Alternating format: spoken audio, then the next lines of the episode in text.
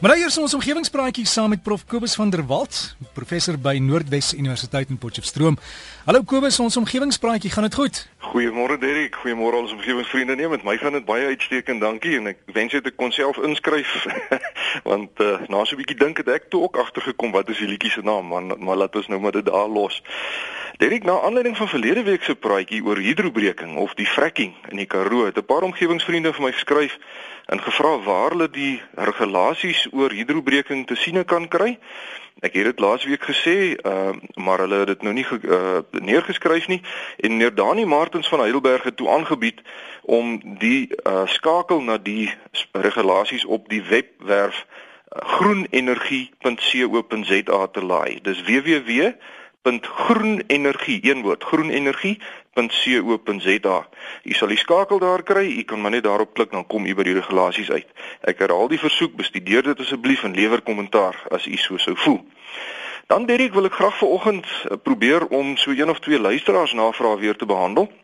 Eerstens 'n navraag wat ek nou seker amper 2 jaar terug gekry het van Dr Ed Jacobs van die Universiteit van Stellenbosch. En hy skryf hy kom self van die Ooskaap af en hy ken die suursmaak van 'n spekboom se blaartjies. Hy sê wat hy nie geweet het nie is dat die spekboom nie maklik brand nie. En nou vra hy of boere of munisipaliteite nie dalk spekbome kan aanplant om as brandbane te dien nie en dan kan mense dan nou sommer terselfdertyd ook koolstofkrediete daarmee verdien. Hy sê uh, die skapies en die bokkies moet nou net nie die die klein plantjies opvreet as dit nou nog klein is nie. Maar baie dankie dokter Jacobs vir die navraag. En ek het by 'n goeie vriend van my gaan kers opsteek hieroor want ek is nou nie 'n kenner op hierdie terrein nie. So ek het vir professor Koos Engelbregt van die Tshwane Universiteit van Tegnologie gevra. En uh, Koos sê vir my die departement, die staatsdepartement wat deesdae die leiding neem met kweekhuisgasse, blyk die departement van omgewingsake te wees. En 'n interessante dokument wat 'n mens kan lees is die groenskrif oor die nasionale strategie rakende klimaatsverandering wat op die internet beskikbaar is. En nog 'n interessante publikasie van die nasionale tesourie gaan oor die koolstofbelasting opsie om kweekhuisgasse te verminder wat ook op die internet beskikbaar is. Nou organisasies kan dalk in die toekoms baat vind en minder koolstofbelasting betaal as hulle kan bewys dat hulle inisiatiewe geneem het om hulle kweekhuisgasse te verminder, soos byvoorbeeld nou om spekbome aan te plant. Maar om finansiële voordele of dan koolstofkrediete te verdien met die aanplant van spekbome is glad nie so 'n eenvoudige saak nie. Alle projekte wat ten doel het om koolstofneutraliteit te bewys of koolstofkrediete te, te verdien, moet deur 'n internasionale komitee geëvalueer en goedgekeur word. En eers daarna kan 'n instansie vir befondsing aansoek doen om die koolstofbesparings as krediete te bereken. Die 2011 ruilkoers in koolsuurgas ekwivalente was omtrent 14 euros per ton koolsuurgas wat geabsorbeer word. So dit is beduidende hoeveelhede geld waarvan ons hier praat maar dit is nou nie so maklik om dit in die hande te kry nie. Professor Engelbreg sê uh, dat baie besighede slegs eintlik net wil verklaar dat hulle koolstofneutraal is. En om dit reg te kry is 'n baie belangrike stap om eers die besigheid se koolstofvoetspoor dan baie akkuraat te bereken en dis ook 'n baie gespesialiseerde tak. Uh in die industrie word daar van emissiefaktore gebruik gemaak om hierdie berekenings te doen. So professor Engelbreg sê dat uh mense wat hierdie tipe goed wil doen eerder dalk ehm um, spesialis konsultante moet kontak vir advies. En omgewingsvriende wat hierin belangstel, kan die woorde Global Carbon Exchange in Google intik en u sal dan by sulke organisasies uitkom. Dis Global Carbon Exchange. Baie dankie Dr. Jacobs van Stellenbosch en professor Engelbrecht van Pretoria. Dan Derek wil ek graag weer ietsie sê oor 'n praatjie wat ek meer as 'n jaar gelede gelewer het wat gegaan het oor iets wat jy my gevra het en dit is die sogenaamde earth hum of die dreuning van die aarde. Nou net gou weer die strekking hiervan.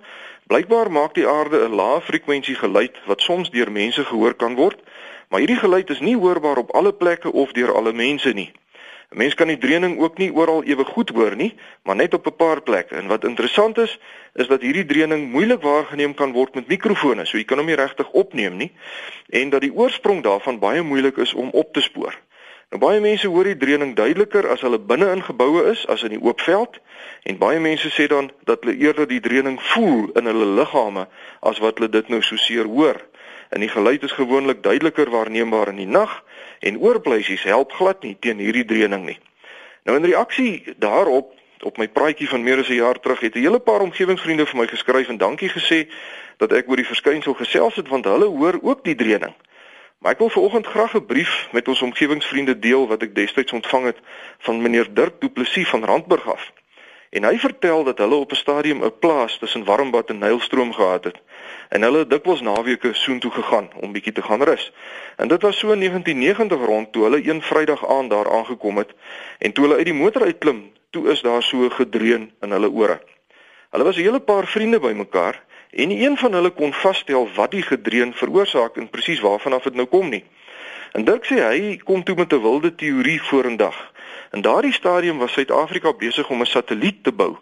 En hy het toe gewonder of ons land nie dalk ook besig is om die lanseringsvuurpyle in die geheim te ontwikkel nie. Die geraas het amper soos die see geklink, maar die intensiteit daarvan het gewissel tussen sag en dan weer harder en dan weer sagter en hy het gedink dat uh, iemand dalk besig was om vuurpylmotore te toets op die militêre gebied net oos van die N1 snelweg tussen Warmbad en Pretoria. Hy sê uiteindelik het hulle toe maar gaan slaap, maar die volgende oggend toe hulle opstaan, toe sien gedreun nog harder en is eintlik ontstellend hard want 'n mens weet nie wat is hierdie besigheid nie.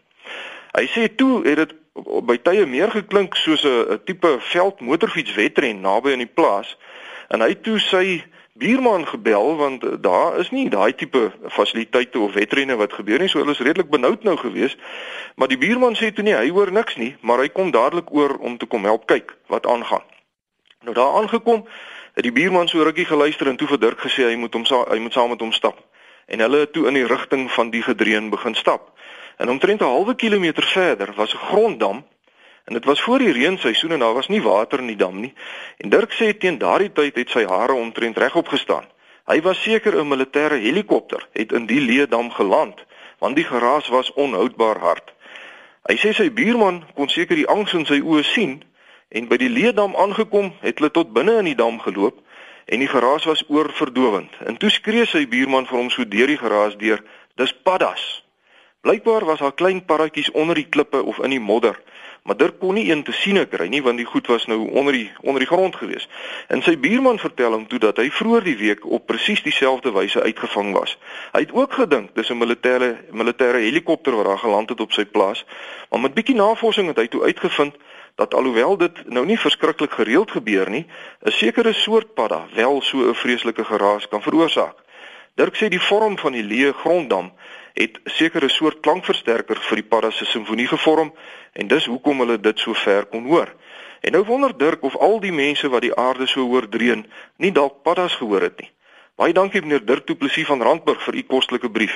En ek kan my voorstel dat so iets 'n mens teen die mure kan uitdryf want mense gaan dan nou juis 'n bietjie plaas toe vir 'n bietjie rus en vrede vir jou siel. Nou ek het by 'n kollega van my by dierkunde hier op die Pik, professor Louis de Pre, bietjie gaan kers opsteek oor hierdie raserige paddas. En hy sê vir my dat daar eintlik verskeie soorte paddas is wat so 'n vreeslike lawaai kan opskop en dat 'n mens verskillende soorte paddas sal hoor op verskillende tye van die jaar. En die een met die grootste keelgat is egter 'n klein paddatjie wat in die volksmond die blikslaanertjie heet. Sy wetenskaplike naam is die Cacosternum boetgeri en hy staan ook bekend in Engels as Boetkers dainty frog of die common cuckoo. Ek dink die cuckoo in die naam is seker afgelei van die woord kakofonie, want die dingetjie is skaars so groot soos 'n mens se duimnaal, maar kan hy vir jou 'n lawaai opskop. Professor De Pre sê skur, skurwepaddas kan ook vreeslik lawaai, maar hulle is heelwat groter. So die waarskynlikheid is dat die paddatjies wat Dirk in sy plaasdam gehoor het daar naby Nylstroom se wêreld klein blikslaanertjies was. Derek, ek sien daarmee is my tydjie alweer om. Baie dankie vir die klomp heerlike briewe wat ek gedurig van ons omgewingsvriende af ontvang en ek beklemtoon ek bære die goed almal en ek probeer so van tyd tot tyd dan 'n bietjie opvang, maar dit gaan maar moeilik. As jy vir my wil skryf, my rekenaaradres is kobus.vanderwalt@nwu.ac.za of u kan my kry by die fakulteit Natuurwetenskappe, Noordwes Universiteit, Potchefstroom 2520. Vriendelike groete tot 'n volgende keer. Selfs vir jou, dankie Kobus. Kobus van der Walt van Noordwes Universiteit wat daar gesels het en sy e-pos is kobus met 'n k. kobus.vanderwalt aan mekaar. kobus.vanderwalt by nwu.ac.za